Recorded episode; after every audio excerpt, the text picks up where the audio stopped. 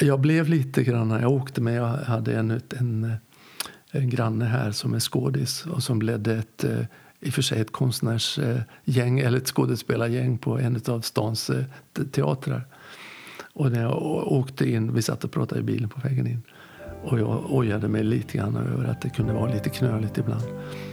Men då, då berättade han hur det var, hur det var på teatern. Han sa, när vi spelar teater, då är det fantastiskt. Men däremellan är det ett helvete. Så det har väl lite med den här passionen att göra.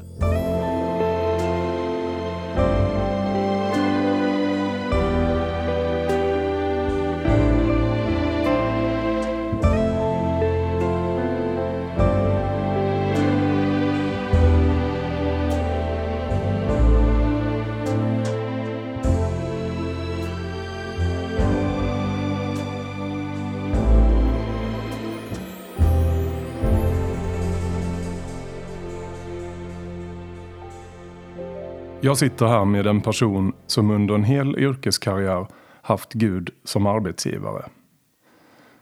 Musiken och sången går som en röd tråd där han har skrivit musik och musikaler, spelat in skivor och lett musikprogram till på tv. Till vardags är han föreståndare för den andra största frikyrkoförsamlingen i Sverige. Och jag är såklart enormt nyfiken på vad är det för typ av ledarskap som finns inom kyrkan. Jag vill hälsa dig Urban Ringbäck varmt välkommen till mitt ledarskap. Väldigt spännande. Tack så mycket. Tack så mycket. En, det är hedrande och utmanande måste jag säga. Vi har kommit en bra bit in i en global pandemi och den har på olika sätt skakat om världen. Ser du utifrån din roll som pastor någonting positivt med covid? Någonting som är bra och som kan ha värde för framtiden?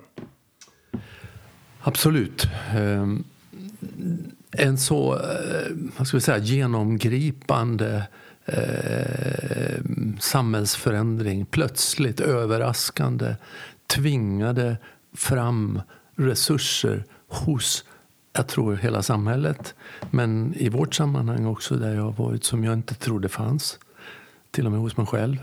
Snabbt som ögat liksom, så var vi tvungna att skriva om hela vårt... Eh, vårt eh, alltså det, det drabbade ju det grundläggande i vårt sätt att samla människor till exempel. Samla människor till gudstjänst.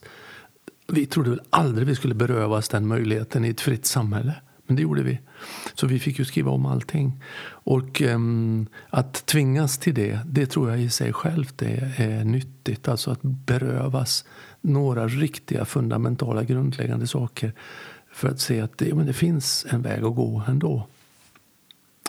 Det var en sak. Sen, eh, sen är det klart att existentiella kriser tvingar fram existentiella tankar, existentiella frågor eh, hos, hos människan. Därför blir ju samtalen eh, i, bra och djupare eh, på något sätt. Även om man tyvärr har tvingats föra de flesta digitalt. Men ehm, eh, det är ju en, det är också en eh, Eh, om man ska säga, nå någonting positivt att man lär sig. Vi har kommit närmare döden, livet och döden. Eh, eh, så att överhuvudtaget bekanta sig med döden tror jag höjer kvaliteten på livet också.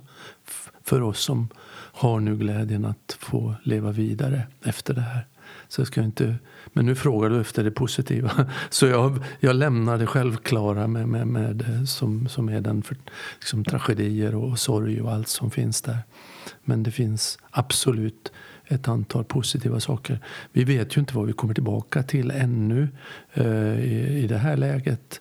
Eh, men vi ser ju att det kommer att säkert få långsiktiga konsekvenser. Och jag tror vi kan välja om de blir positiva eller negativa. Många ger ju exempel på att man blev digital över en dag, att det gick väldigt, väldigt fort. Mm. Och jag tänker, min bild av en kyrka, det är att man bedriver verksamhet framförallt på söndagar. Och att eh, de som vill gå till en kyrka, lyssna på det, de kommer dit fysiskt. Blev ni också digitala? Ja, det blev vi. Vi hade ju jobbat ganska mycket med det digitala, förhållandevis. Men det var ju ingenting mot vad som då hände. Eh, så vi var nog vi, var nog, vi, vi kunde bli väldigt snabba. Ehm, vi hade en stor ideell stab och vi hade också några, några som hade detta i sin, i sin anställning. Och det där blev ju våra frontsoldater plötsligt. Liksom. Det blev, det blev, och, och de växte med detta något enormt. Alltså. Så vi gjorde både interna kommunikationen, blev ju digital, den externa. Med vår, vi, vi lanserade direkt en, en Youtube-kanal. Och eh, har ju också fördubblat eller tredubblat antalet människor som följer en gudstjänst till exempel. Så det är ju också positivt. Vi tog några tre strategier på en gång. Eh, det var ju den som alla tog. Men jag vill påstå att vi låg lite före. Det vill säga att, att vi ställer inte in, vi ställer om. Det var det första. Sen var det liksom, om man inte kan gå till kyrkan så kan man vara kyrka. Det vill säga vi uppmuntrade alla till att nu får ni steppa upp att vara kyrka gentemot grannar, i familjen, i, i, i det sammanhang där man finns. Det är en fantastiskt ny, eh, viktigt för en, en, en, en, en kyrka att inte bara den blir i kyrkobyggnaden utan får konsekvenser i vården. Och det tredje då, det var ju då att alla måste, det var ju kommunikationen, det var ju det, det, det digitala. Så det är viktigt att digitala kom egentligen inte som första prioritet. Utan den kom som nummer tre. Men vi hade tre strategier som vi tog direkt. Och så träffades vi varje söndagkväll digitalt med ledar, ledningsteam och styrelse. Och så, hur går det, hur går det? Så kyrkan var på tå kan man säga? Ja, det måste jag nog ja. säga. Det måste jag nog säga. Intressant. Vi ska komma tillbaka, tänker jag, eh, mer specifikt lite kring styrning, ledarskap av en församling eller kyrka. Men, men dessförinnan så tänker jag, du är pastor och föreståndare. Det är ungefär som att vara vd om man skulle översätta det ordet. Och det är landets andra största frikyrka, Smyrnakyrkan i Göteborg. Men innan vi kommer dit så skulle jag vilja gå bak i tid. Därför jag tänker så här, hur hamnar man i din roll? Hur går det till och varför blir man pastor? Hmm. Eh, ja, den det mm, vet jag inte om det finns några generella svar på det. För jag har ju omkring mig människor som kommer från väldigt många olika bakgrunder in i, i den här rollen. Själv så var jag uppvuxen i en, en i en pastorsfamilj. Eh, som, men i generationen bakåt så var det ju entreprenörer, affärsdrivande människor på både pappas och mammas sida. Eh, och jag tror lite grann att en, en församlingspastor väldigt ofta är ganska eh, entreprenörsaktig om, om, om, och har väldigt stor nytta av det. Um, sen finns ju en, en, en djup dimension i det här som har med, med liksom livskallelse, tro och, och, och, som ju naturligtvis är den avgörande faktorn. Man, man kommer in på den här vägen. Så att eh, den allmänna frågan vet jag inte riktigt hur jag ska svara på. Personliga är ju lite, lite lättare då. Ja. Mm. Kan man säga att det finns ett andligt kall?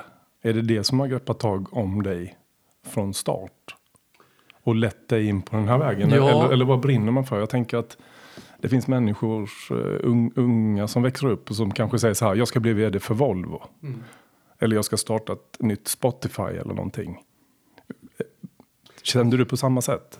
Ja, jag tycker nog det. Jag tycker man ska vara väldigt försiktig med det där ordet kall. Därför att eh, Eh, man skulle kunna översätta det, man skulle koppla det till passion och till liksom djup längtan, vad man, vad man vill med sitt liv.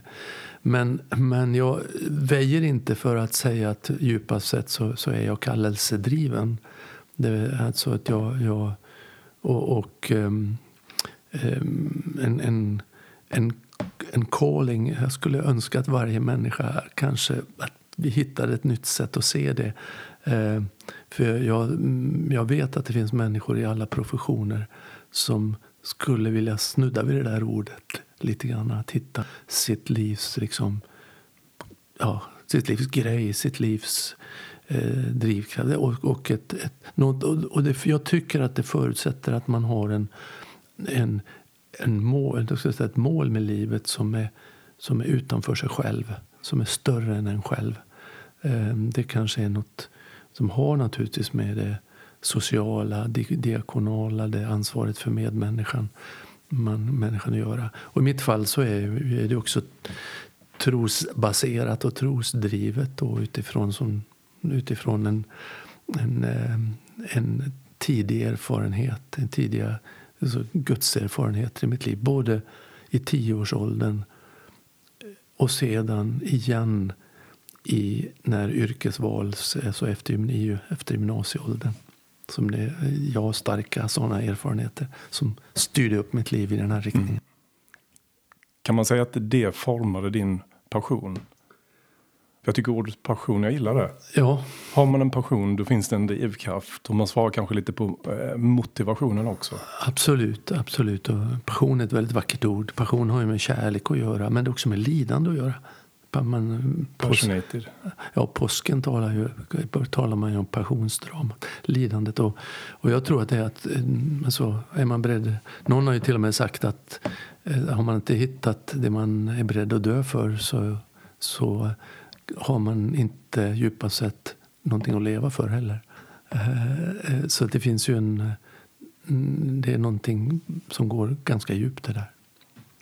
Så med den eh passionen som, som du beskriver föddes, eller man kan härleda den bakåt i tid, till tioårsåldern och senare händelser, så slår du dig in på kyrkans väg. Och du har lagt snart en hel yrkeskarriär där. Över 40, ja, runt 45 år. Jag skulle vilja titta in lite på ledarskapsfrågorna då. Och eh, hur leder man och styr en kyrka? Jag tror inte att kanske så många människor som lyssnar på den här podden har inblick i det eller förstår vad det kan finnas för, för utmaningar, möjligheter och, och, och hur går det där överhuvudtaget till. Ehm, och ofta när vi pratar om företag och, och organisationer så, så brukar man starta någonstans med varför finns en verksamhet? Varför finns ett företag? Vad är, vad är kanske passionen eller, eller vad är visionen bakom? Mm.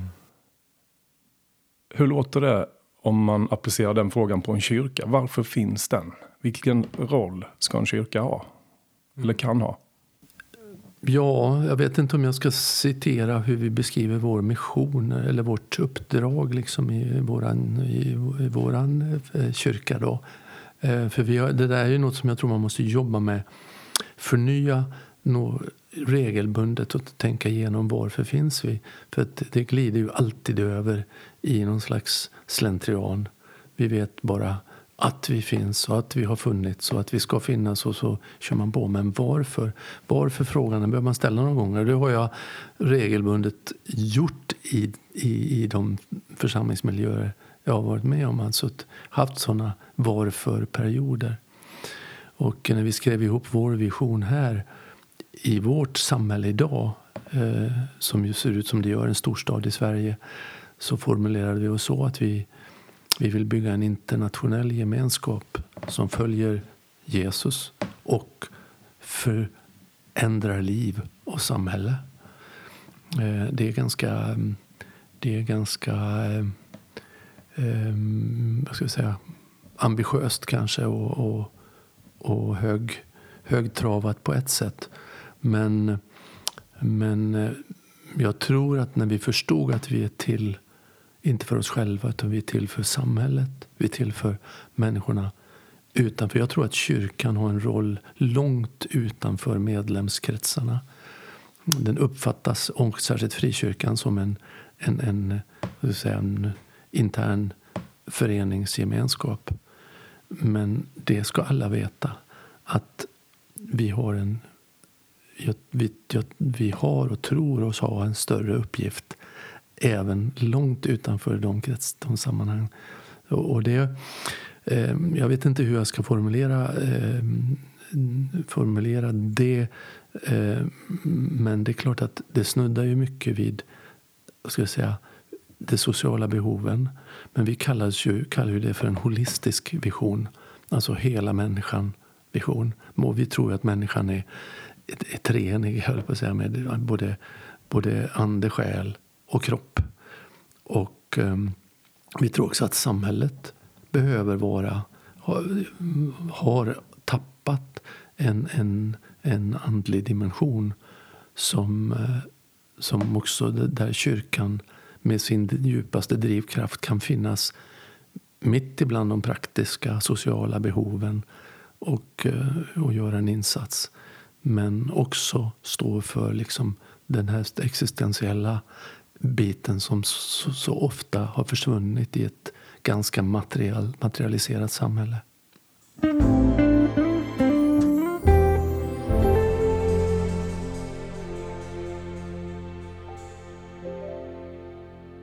Finns det en latent efterfrågan, tror du, på någonting andligt i samhället? Så att det är så att säga den möjligheten som ni kan docka an till?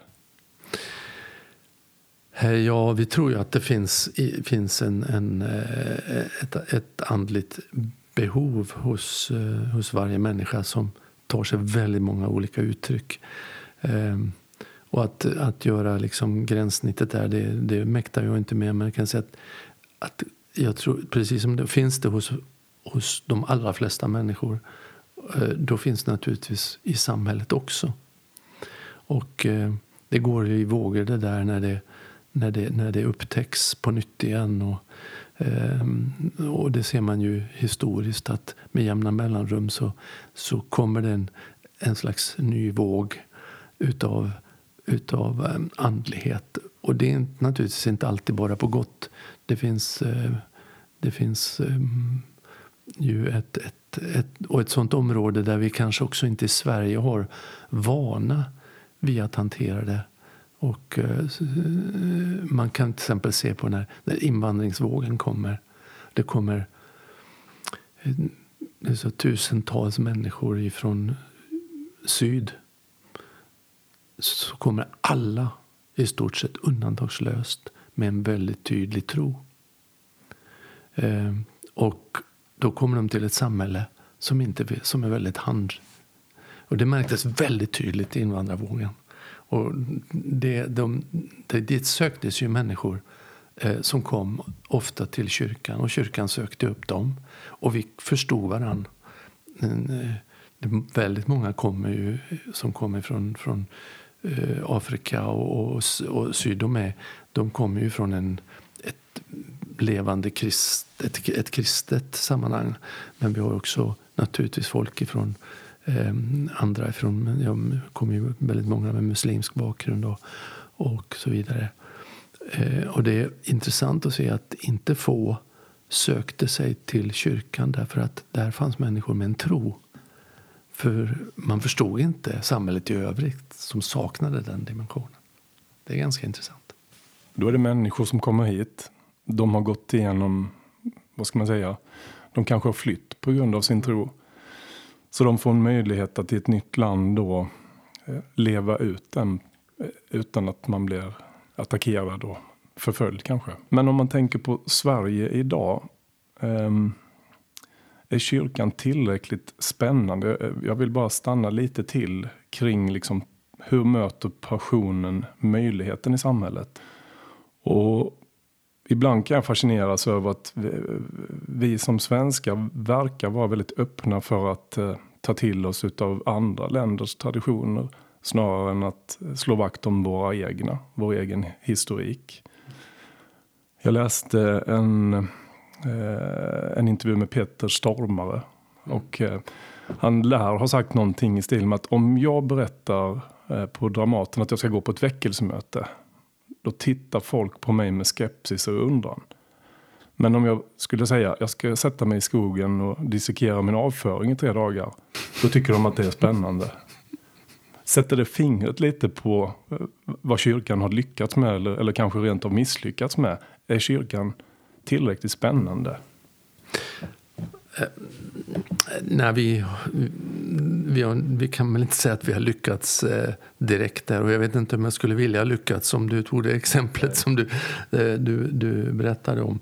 Nej, men det finns ju någonting med, eh, med att eh, alltså det, det, det egna är tråkigt. Det nya är spännande.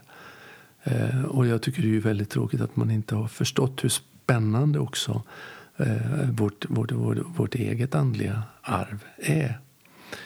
Eh, jag kommer ju från Västerbotten och Västerbotten är ju ett av de stora så, så kallade väckelsebygderna i, i Sverige, liksom, liksom Småland. Och eh, jag har stor förståelse för att, att en, del, en del av de här, det blev en polarisering i många av de här samhällena som gör att man kanske Eh, det man kanske är just där, antingen är man med eller också är man utanför. Eh, och, och sådär. Men samtidigt så märker man ju i de områden där det inte finns de här kunskaperna eller fördomarna eller uppfattningarna. Där är också öppenheten st stor. Och vi har ju liksom många fenomen idag där, där, där också unga människor eller människor från oväntade miljöer kommer till tro. Jag tänker på eh, Sebastian Staxet till exempel. Eh, när han kommer till gamla, vår, eh, vår frikyrka eh, då på besök för fem år sedan eh, så går det ju som ett liksom, vad ska jag säga, det, det, går som ett skall genom orten och så plötsligt så sitter eh, det en helt annan publik i vår kyrka eh, som upp, i stort sett vidöppna för, för, för det, det budskap som förmedlas liksom, i det sammanhanget. En fascinerande upplevelse. Eh, så att, eh, nej, men vi tycker nog att vi kan, vi kan lyckas. Vi kanske lyckas lite bättre än vad eh, folk tror eh, generellt sett.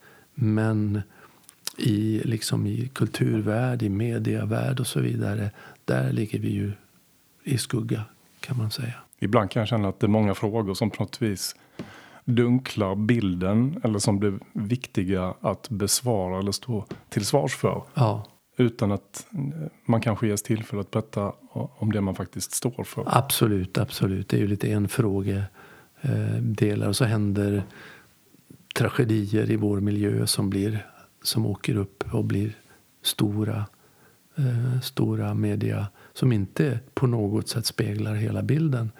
Visserligen allvarligt nog och självrannsakande för oss också men absolut inte motsvarar tillnärmelsevis något av vad liksom är det mainstream och det som vi håller på med dags till det, för jämnan. Ja.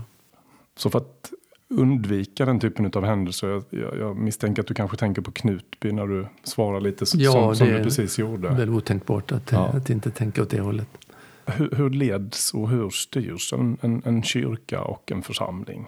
Många kanske vet eh, väldigt väl hur det ser ut i ett företag, i en organisation. Det finns ägare, det finns styrelse, en ledningsgrupp. Man kanske har funktionschefer eller affärsområdeschefer. Den terminologin använder ju många sig av.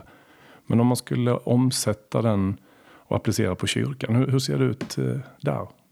Nu får vi komma ihåg att kyrkan är ju mångfacetterad om man säger så. Jag, jag representerar då, då eh, frikyrkan och eh, i, i Svenska kyrkan så har vi en, en helt annan så att säga en helt annan bildstyrning och en, fortfarande en politisk styrning.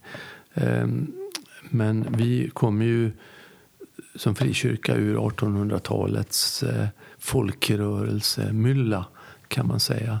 Och där, eh, vilket gör att de flesta äldre eh, frikyrkoförsamlingar är ju, är ju ideella föreningar. Är föreningar med, där så att säga, medlemmarna, församlingsmedlemmarna äger eh, verksamheten. Eh, så kan man väl säga. Och eh, nu finns det liksom även i våra sammanhang nya importerade modeller eh, som fungerar annorlunda.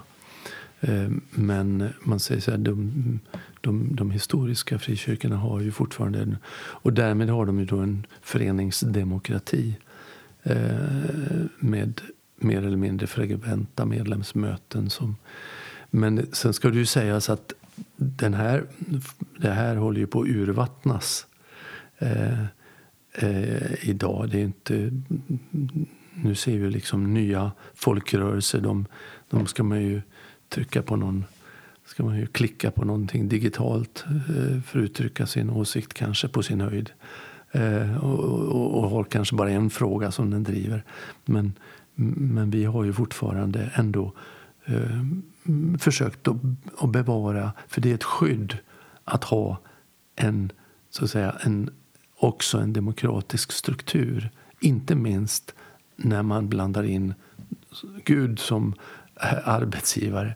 Därför att här ska ju här, här, kan ju vem som helst komma och säga att eh, Gud har sagt att vi ska göra så här till mig. Eh, alla, kan ju upp, alla kan ju bli liksom någon slags eh, profeter eller chefer. Eh, men genom att ha en föreningsstruktur så finns det en plats där man möts och eh, så att säga eh, visioner får brytas mot varandra. Och så vidare.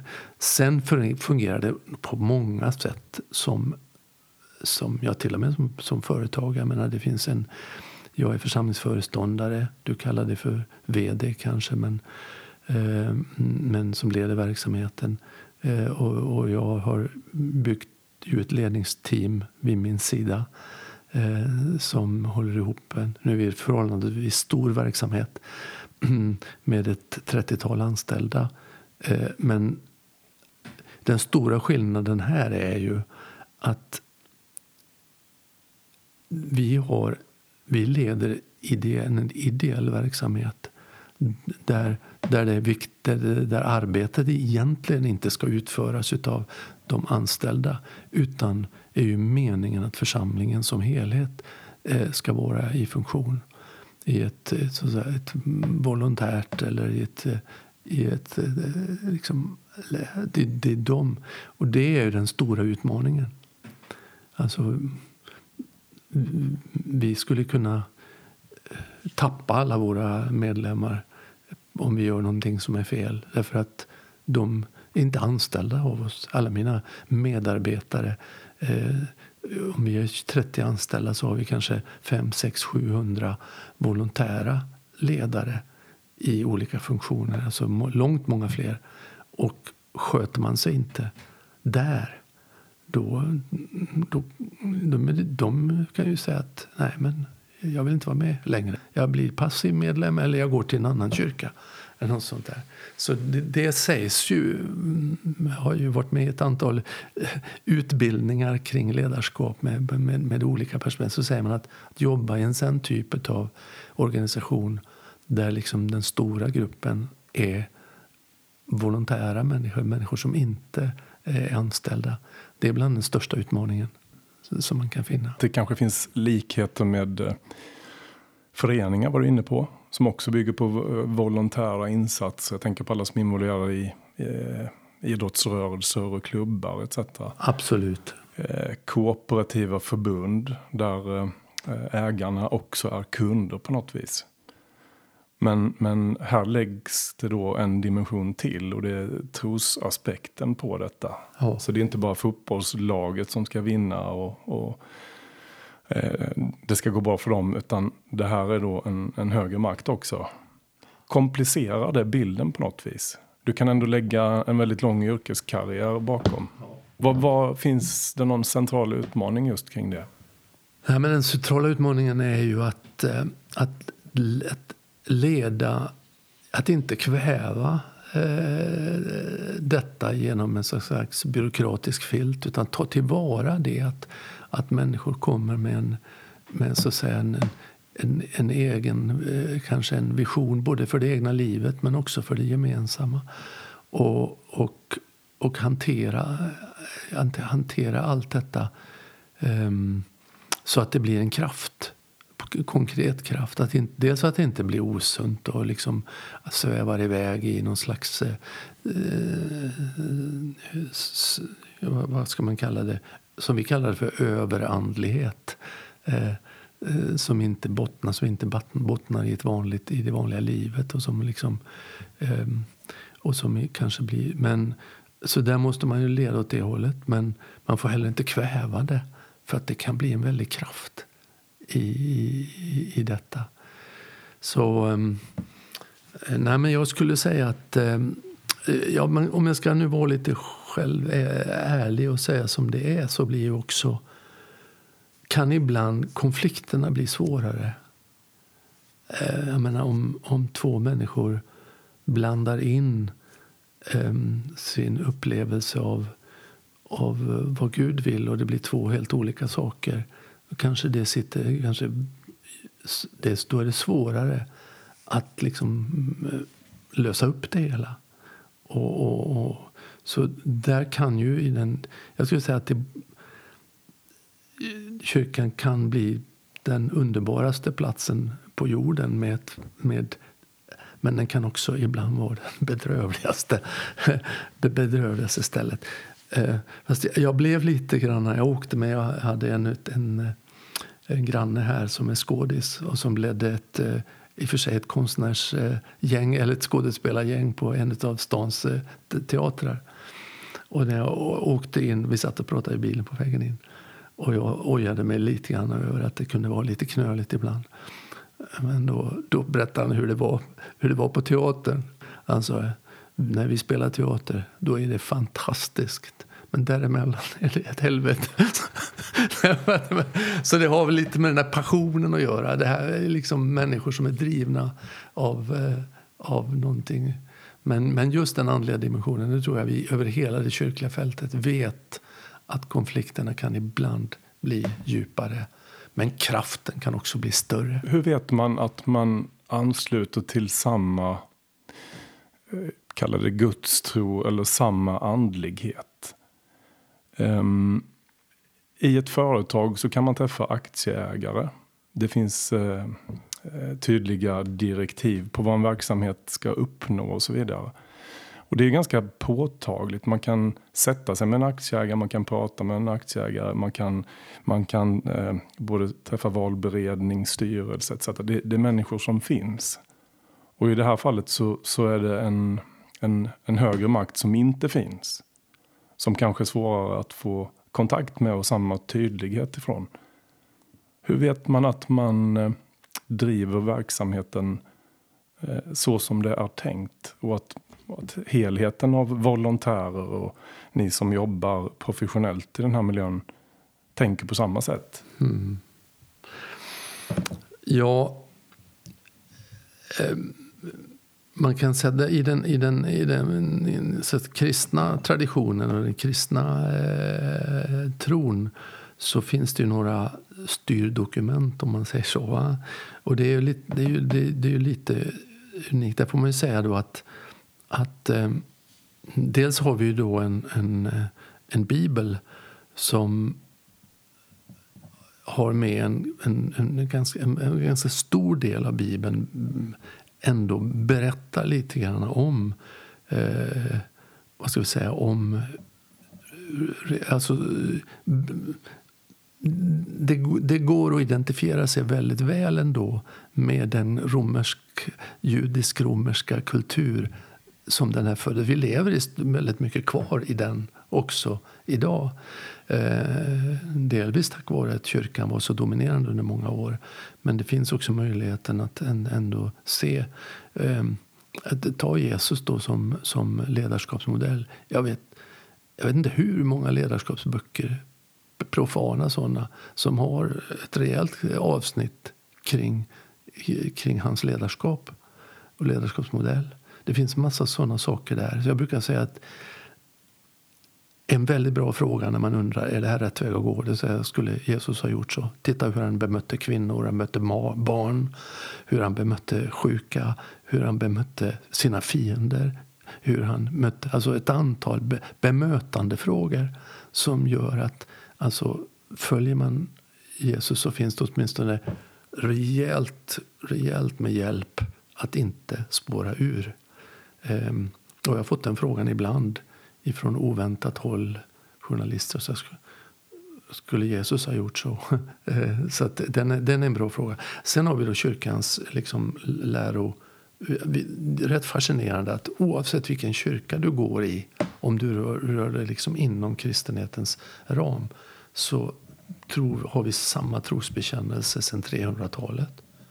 Alltså, den, den, den, man kämpade med detta under den första tiden. Där finns en trosbekännelse. Eh, jag vet inte om det är här du är ute efter. Jag går ju liksom långt tillbaka i tiden. Men det, det är, faktiskt, det är faktiskt en hjälp eh, i det här fallet.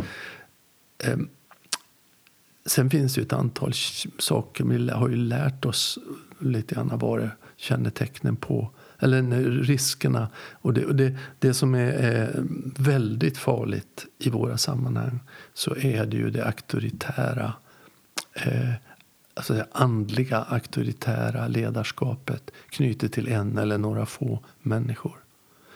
Vi, vi, mm, vi tror ju väldigt mycket på ett kollektivt ledarskap. Och när jag ska förhålla mig till mitt, led, mitt ledarskap i församlingen så är det ganska många människor som jag har omkring mig eh, som, som har inflytande och möjlighet att korrigera och så vidare. Eh, så att blir det ett, ett, ett starkt auktoritärt led så kan man ju då använda Gud som alibi för vad tok som helst. Och därför behövs det en, en bra body utav Eh, Eh, balanserande ledarskap. Sen har vi styrelse. Vi har ett, ett församlingsledarråd som då vakar över liksom den andliga inriktningen, att det är sunt. Och, och tar man eh, snedsteg där, då blir man tagen i örat. Så, så det finns ett antal eh, mekanismer och strukturer som på något vis kollektivt kalibrerar det som sker och hur saker och ting går till. Så att inte någon ja, viker av åt endera hållet. Ja, absolut. Så gör det och det tror jag är, tror jag är jätteviktigt i en, i en, en, en, i en andlig rörelse. Det kan ju, en, del, en del har ju då mer typ en styrelse och så är det en församling och that's it. Mm. Men en del av oss har också det här församlingsledarrådet eller som det hette för äldste som finns nästan i de flesta kulturer för övrigt. Eh, det vill säga, eh, det vill säga en, en slags mogna, eh, erfarna människor med förtroende som har, som har ett, ett läroansvar, ett ansvar för att inte det hela drar iväg. Och den här överandligheten som du nämnde nyss. Ja. Jag tänker på jag tänker på kända eh, näringslivspersoner. Eh, ta Steven Jobs till exempel. Um, som ju var väldigt eh, extrovert i sitt ledarskap. Extremt visionär. Mm. Och många kände bara det är fantastiskt att få jobba på en arbetsplats som präglas av de här visionerna. Sen var han nog ganska så tuff och bestämd också. Vi har eh, Tesla till exempel eh, som ett annat sånt super, super eh, extremt exempel. Elon Musk men många beskriver de här eh, Eh, i positiva ordalag.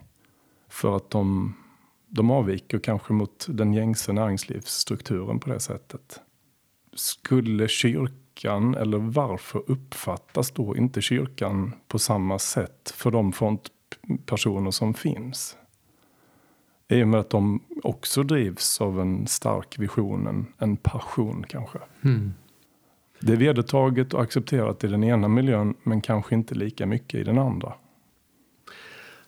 När vi tar initiativ till att möta eh, samhällsföreträdare, politiker, eh, ledande tjänstemän i kommunen så uppfattar jag att vi blir, när vi, när vi liksom lär känna varandra så, så, så, så blir vi mottagna på ett väldigt positivt sätt.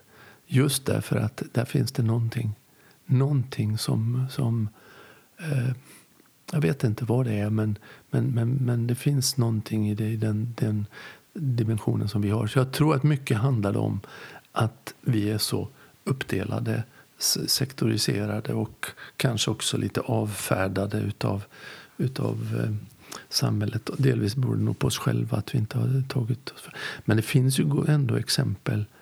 Um, och som sagt var, i, i andra samhällsstrukturer än kanske det västerländska och europeiska kontexten så uh, tar ju kyrkan ofta en ledande roll. Och kyrkans ledare också um, i samhällsuppbyggnad och det blir liksom den viktigaste kraften i civilsamhället. Jag jobbar ju internationellt väldigt mycket och ser ju det här att mm, trots att det absolut inte är fullkomligt, det finns många brister, så är ju kyrkan ofta samhällets hopp i många av de här länderna som, som lider av korruption. Eller, eller det, alltså det, det finns någonting där som är en helande kraft. Dr Mukwege som fick Nobelpriset, fredspriset i Kongo är en av mina dels vänner men också förebilder på det. Och eh, jag skulle önska nästan varenda företagsledare och politiker fick sitta ner med honom och se det, det som brinner i hans ögon. Och han har ju samma bakgrund som mig, uppvuxen i en pastorsfamilj och, och själv eh, varit pastor men studerat till läkare och gynekolog och få vara med och, och jobba rätt in i den ju värsta skiten i, i, i det kongolesiska samhället med, med de här våldsutsatta kvinnorna eh, och blir en profetröst. Förutom att han hjälper individer i mängder så blir han en profetröst i sitt samhälle. Fantastiska insatser och så rättvist kan man tycka att han får fredspriset. Ja, fantastiskt roligt men jag tror väldigt få vet om den här bakgrunden. Även om han Även om man inte är buskablyg på det sättet så blir det nedtonat i våra sammanhang.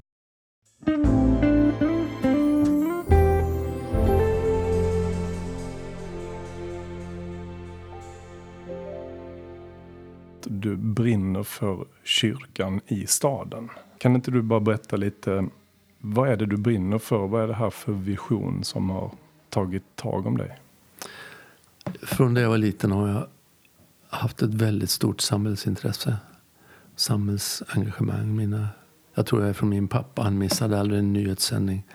Eh, eh, och jag tror jag känner igen det från mina kollegor. Jag tror att många av oss har ett väldigt stort intresse. Vi, vi, vi lider med det som, det som är dåligt i samhället. Och vi gläds när det går bra. Och vi, vi ser och önskar ju att våra kyrkor skulle få spela en roll tillsammans med andra goda krafter för samhällets helande.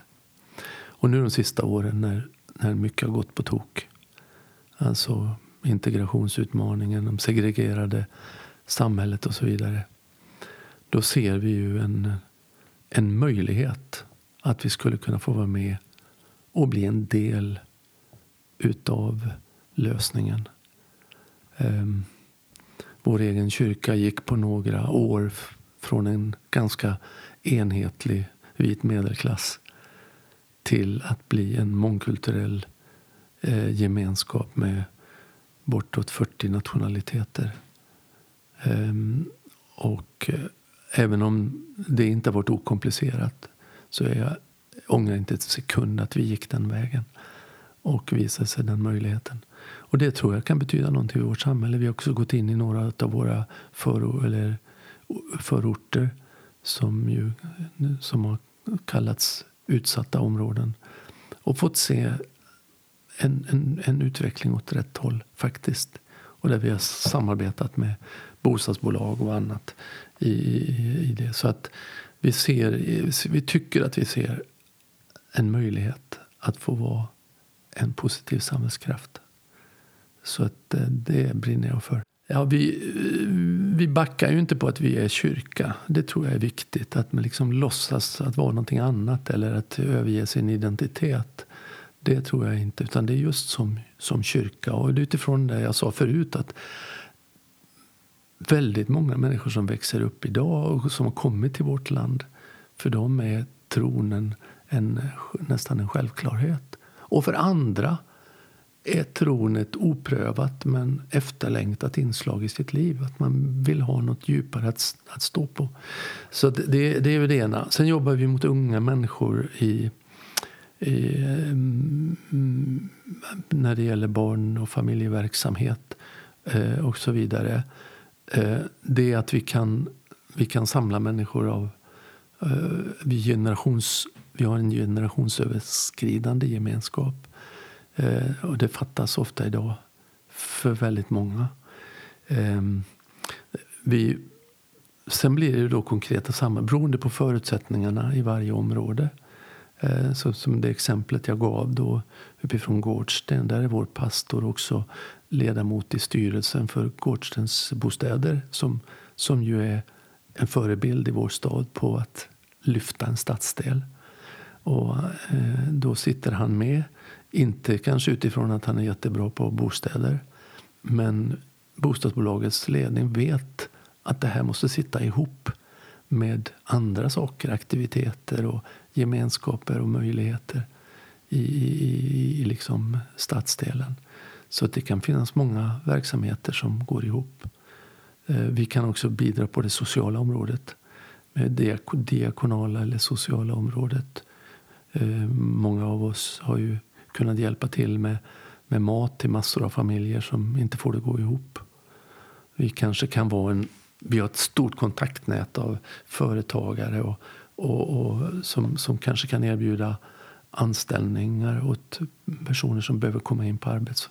Det där längtar jag jättemycket efter att se en frikyrka vitaliserad och förstå sitt sociala ansvar. Att man tar med sig liksom, har jag en, har jag en arbetsplats som skulle kunna vara en, en, en ingångs för en, en, en nyanländ till exempel eller en som behöver komma tillbaka till arbetet. Våra second hand-butiker är ofta sådana där vi ger arbetsträning åt mängder av människor som står utanför samhället. Och, och det, det är bara win-win-win alltihopa. Så det finns ett antal bra saker som vi kan göra. Och, och eh, högrelevanta för, för väldigt många företag satsar ju just på CSR-frågor, alltså sociala sammanhang där man på något vis kan kanske lägga en del av företagets vinst, peka på att man tar ansvar. Men detta låter ju som att det här är ja, nedärvt lite i kyrkans DNA och kanske hur ni driver verksamheten här specifikt. Ja, det skulle man kunna säga. Och jag tycker det är väldigt bra att, företagare har, att företagen har, har liksom öppnat upp den här sidan. För det är inte, det är inte så många år som det har varit så. Du kanske har historiken bättre än jag. Viktigt dock är ju inte att det här blir någon slags putsning på varumärket bara utan att det verkligen är inbyggt i, i, ett, i ett DNA, i, ett, i, en, i en tanke som en större tanke i själva visionen för företaget och inte, inte bara en, en liksom reklamgrej. Musik har ju alltid gått som en eh, röd tråd i ditt liv. Och som jag sa inledningsvis, du har skrivit sånger, du har spelat in skivor, musikaler, lett tv-program och, och, så vidare. Och eh, musik förenar ju människor i, hela samhället. Jag tänker på fotbollsklubben Liverpool. Ja, ja. Som har den här You never, you never walk, walk alone. alone. Ja, en, en hymn faktiskt. En hymn, ja precis. Ja, ja, vad är det i musiken som förenar människor och, och, på vilket sätt har musik varit så viktig för dig? Ja, det är, man blir ju... Jag har ju fått det i blodet naturligtvis med att, att jag kommer från en sjungande gemenskap. Eh, det sjungs ju otroligt mycket i, kyrkan. Och eh, i frikyrkan har det också varit så att kan du någonting så har du hamnat på estraden eller på, uppe, uppe på podiet och står där och, och, och sjöng. Vi, eh, och därför så när jag kunde några ackord på gitarren så, så fick jag utöva det på en gång i ett sammanhang av, av alla åldrar. Det är inte riktigt så idag. Ehm, men mycket av det finns ändå, ändå kvar. Ehm, och det, det, är ju en, eh, liksom en naturlig ingång i detta att man, man blir det har ju fostrats fostrat enormt mycket musiker. Eh, I, speciellt, speciellt i frikyrkan. Och eh, ett tag var ju musikhögskolorna ehm, belamrade eller nästan Eh, ja, och fortfarande är det ganska många, men inte riktigt lika mycket som det var. Så det är ju en, det är ju en eh, förklaring. Men jag har också insett att det är en kommunikationsväg. För mig så är jag ju, jag är ju en kommunikatör. Jag talar eh, till stora grupper människor faktiskt. Det, det är ju en fördel. Och jag har också märkt att när det inte funkar att prata, då, då sjunger jag. Eller då tar jag till, alltså musiken är ett kompletterande språk och ett kompletterande kommunikationsväg eh, som, är, som är makalös. Eh, jag är ingen stor musikteoretiker för man kan fundera mycket kring musiken. Vad är det för någonting och sådär. Men jag, jag tänker som troende människa att det är en gåva från Gud. Och eh, den gåvan den är, den är, ett, den är ett mirakel. Den är, hur kan man gå inte förklara? Den är bara fantastisk. Så eh, för mig har det varit naturligt. Jag har blivit mer och mer personlig i musiken. Så jag skriver ganska mycket från mitt eget liv. Och jag har en hustru som också sjunger så vi musicerar lite grann. och spelat in lite skivor ihop. Men jag använder det också i gudstjänstsammanhang. Eh, skrivit lite större verk för, för och det har ju varit det var lite sensationellt när vi, eh, när, när vi gjorde på 80-talet samlade fulla Philadelphia kyrkor mm, upp till tre gånger per dag eh, då när vi gjorde sådana satsningar och körde en musikal som berättade lite om den kristna tron för, för unga människor. Och vi fick skolan att komma på, inom religionskunskapen. Då. Eh, och det, då, när vi gjorde det första gången så kom jag tror de, alla Stockholmsmedier stod på kö. För det var sensationellt att en kyrka gör en sån grej. Så det blev ju blodad tand för att jobba med det. Och jag, jag har gjort det ända till dags dato. allt emellanåt så gör vi större, större föreställningar. Vi jobbar med barn här i vår kyrka vid jul. Och fortfarande, trots all debatt kring påverkan och annat, så kommer skolorna och eh, får del av det kristna julbudskapet på det sättet. Jag var inne på Spotify och tittade runt lite på den ja. musik som du har skrivit. Ja.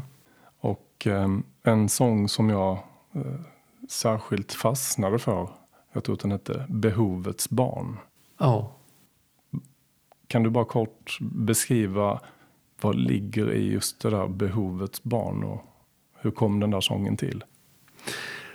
Ja, men, precis som all, allt ledarskap och all, all eh, liksom, verksamhetsdrivande så, så så kan man ju eh, så finns ju hela tiden risken för att man glömmer sig själv och sina egna behov. Och, och en, att, att en, en, kyrklig verksamhet kan ju bli en industri, höll jag på att säga. Vi producerar gudstjänster, vi producerar verksamhet, vi producerar... Och jag var väldigt ung då, precis ny och kom ner till en medelstor församling i Skåne och så blev eh, då församlingens pastor sjuk och jag fick ta över all verksamhet under en period. Då. och eh, det gick inte många veckor förrän jag var färdig att ge upp. Jag tänkte det här går åt skogen. Och gjorde en stor, liksom, genuint andlig upplevelse mitt i natten. Eh, och som fick mig att direkt skriva ner några rader på ett papper. Och jag vaknade på morgonen så trodde jag att jag hade drömt alltihop. Men det stod där nere på, på pappret, den sångtexten. Ehm, men, men den var ju ändå färgad av naturligtvis det jag var. Den, den, och den, den handlar ju om att byta perspektiv från det producerande till det mottagande. Och det skulle jag säga till varenda människa i ledarskap. Eller var rädd om dig så du får balans mellan utgifter och inkomster. så att säga mellan givande och mottagande. Ehm, för mig handlar det ju om ett mottagande utav det som är unikt i den kristna tron, nämligen nåden. Jag behöver inte prestera för att duga. Jag behöver inte visa mig duktig. Jag behöver inte vara... Eh, tron är inte frågan om att, att vara en, en religiöst fulländad människa utan det var att vara en mottagande människa. Att eh, bli benådad när man misslyckas. Att kunna lära sig utav, eh, utav sina förluster. Alltså segrarna och framgångarna är farligare för oss än, än miss, misslyckandena och nederlagen. För nederlagen är oftast fostrande. Och vi lär oss att this is life. Vi, vi, vi förstår också. Och där, där Där, det, den, den sången har följt mig genom hela livet. En av kanske de sånger som också jag får mest respons på. Vackert beskrivet måste jag säga. Du närmar dig pension och du eh, har gjort en massa saker som vi, vi har varit eh, inne på här under samtalet. Allt ifrån musik och olika typer av musik till att ha lett de största församlingarna i landet som jag förstår. Och eh, jag tänker så här. Har du några drömmar personligen för framtiden? Om du fick tänka helt fritt. Vad skulle du vilja uppleva eller vad skulle du vilja uppnå framåt? Ja, eh, det där är, kommer ju ett läge när jag som sagt var närmar mig en stor förändring eh, och ska släppa det här stora ansvaret. Jag fruktar det lite grann men jag har också alltmer blivit vän med tanken att inte fylla sitt liv med, med ett stort, stort, stort, stort ansvar. Ehm, och vad är då kvar för någonting då? Ja, dels så går, ju, så, så går ju det till det man har försummat. Eh, så det, delvis är ju den så att säga, lite småskaliga, småskaliga drömmen om, om eh, eh, som har med familjen att göra, som har med de nära relationerna att göra.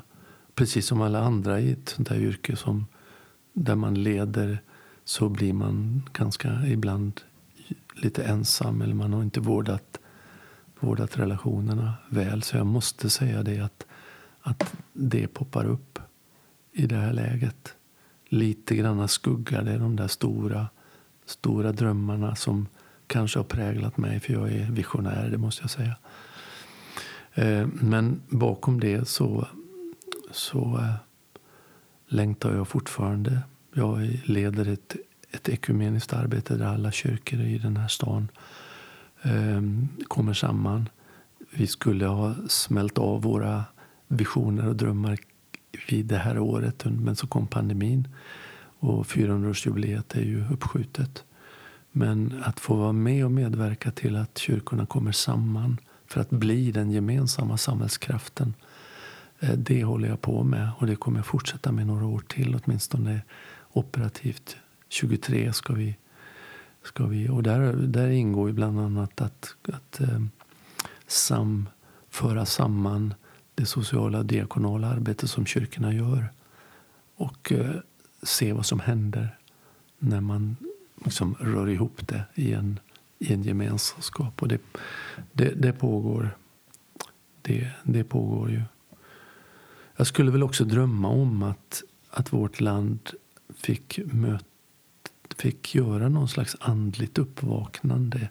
Att... Eh, att vi kunde, att vi stod mer rustade för de existentiella eh, behoven som finns hos, hos varje människa och inte är så rädda i den här beröringsskräcken som finns hela tiden. Eh, att vi kunde sätta oss ner och föra den här typen av samtal eh, där, där liksom näringsliv, politik, eh, kyrka civilsamhälle. Alltså, min dröm 2015 det var ett stort möte där, där vi från civilsamhället, politiker, alla sa nu möter vi en utmaning som vi aldrig har mött, som vi inte klarar själva. Men gör vi någonting tillsammans, skriver vi ett kontrakt där, där, där alla får en stor, får spela en roll fullt ut då skulle vi kunna, då skulle vi kunna klara den här utmaningen.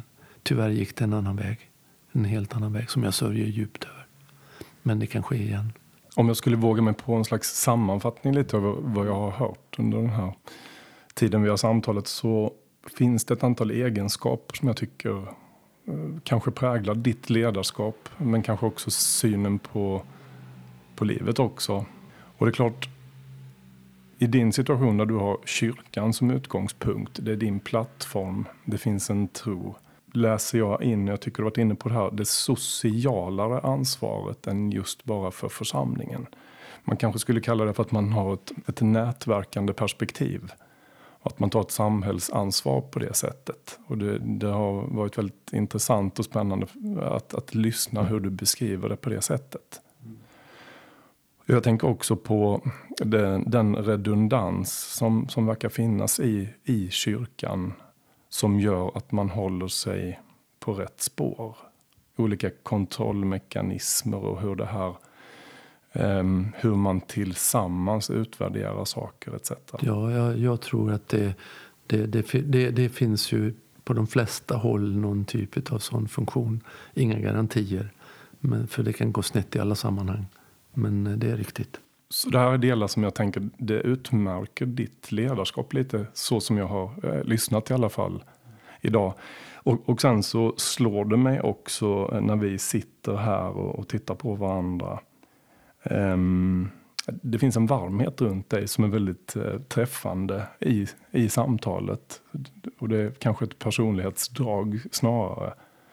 Um, och att kunna ha det tillsammans med det här sociala, jag tror det går hand i hand på ett, på ett väldigt intressant och vackert sätt.